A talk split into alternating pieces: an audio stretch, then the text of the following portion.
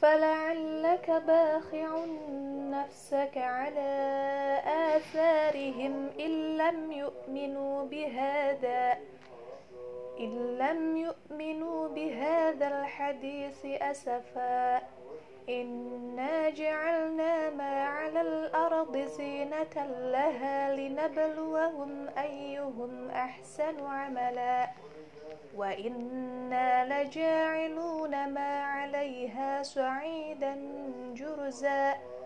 أم حسبت أن أصحاب الكهف والرقيم كانوا من آياتنا عجبا.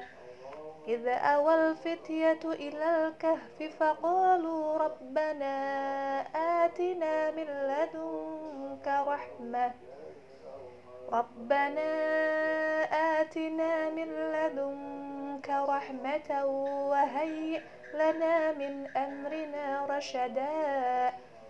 فضربنا على آذانهم في الكهف سنين عددا.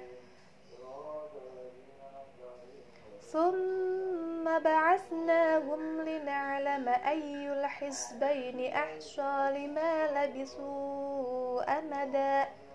نحن نقص عليك نبأهم بالحق.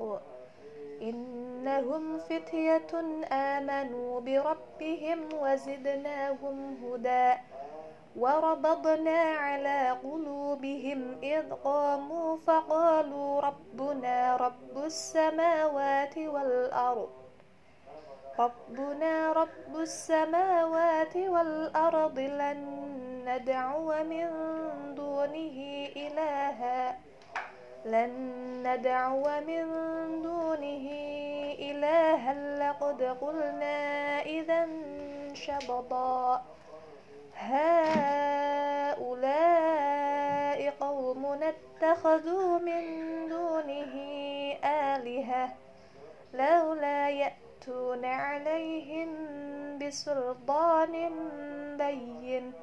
فمن أظلم ممن افترى على الله كذبا. وإذ اعتزلتموهم وما يعبدون إلا الله فأووا إلى الكهف ينشر لكم ربكم من رحمته. ينشر لكم ربكم من رحمته ويهيئ لكم من أمركم مرفقا. وترى الشمس إذا طلعت تزاور عن كهفهم ذات اليمين وإذا غربت تقرضهم وإذا غربت تقرضهم ذات الشمال وهم في فجوة منه.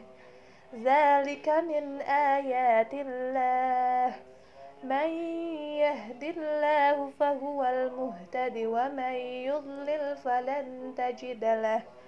ومن يضلل فلن تجد له وليا مرشدا.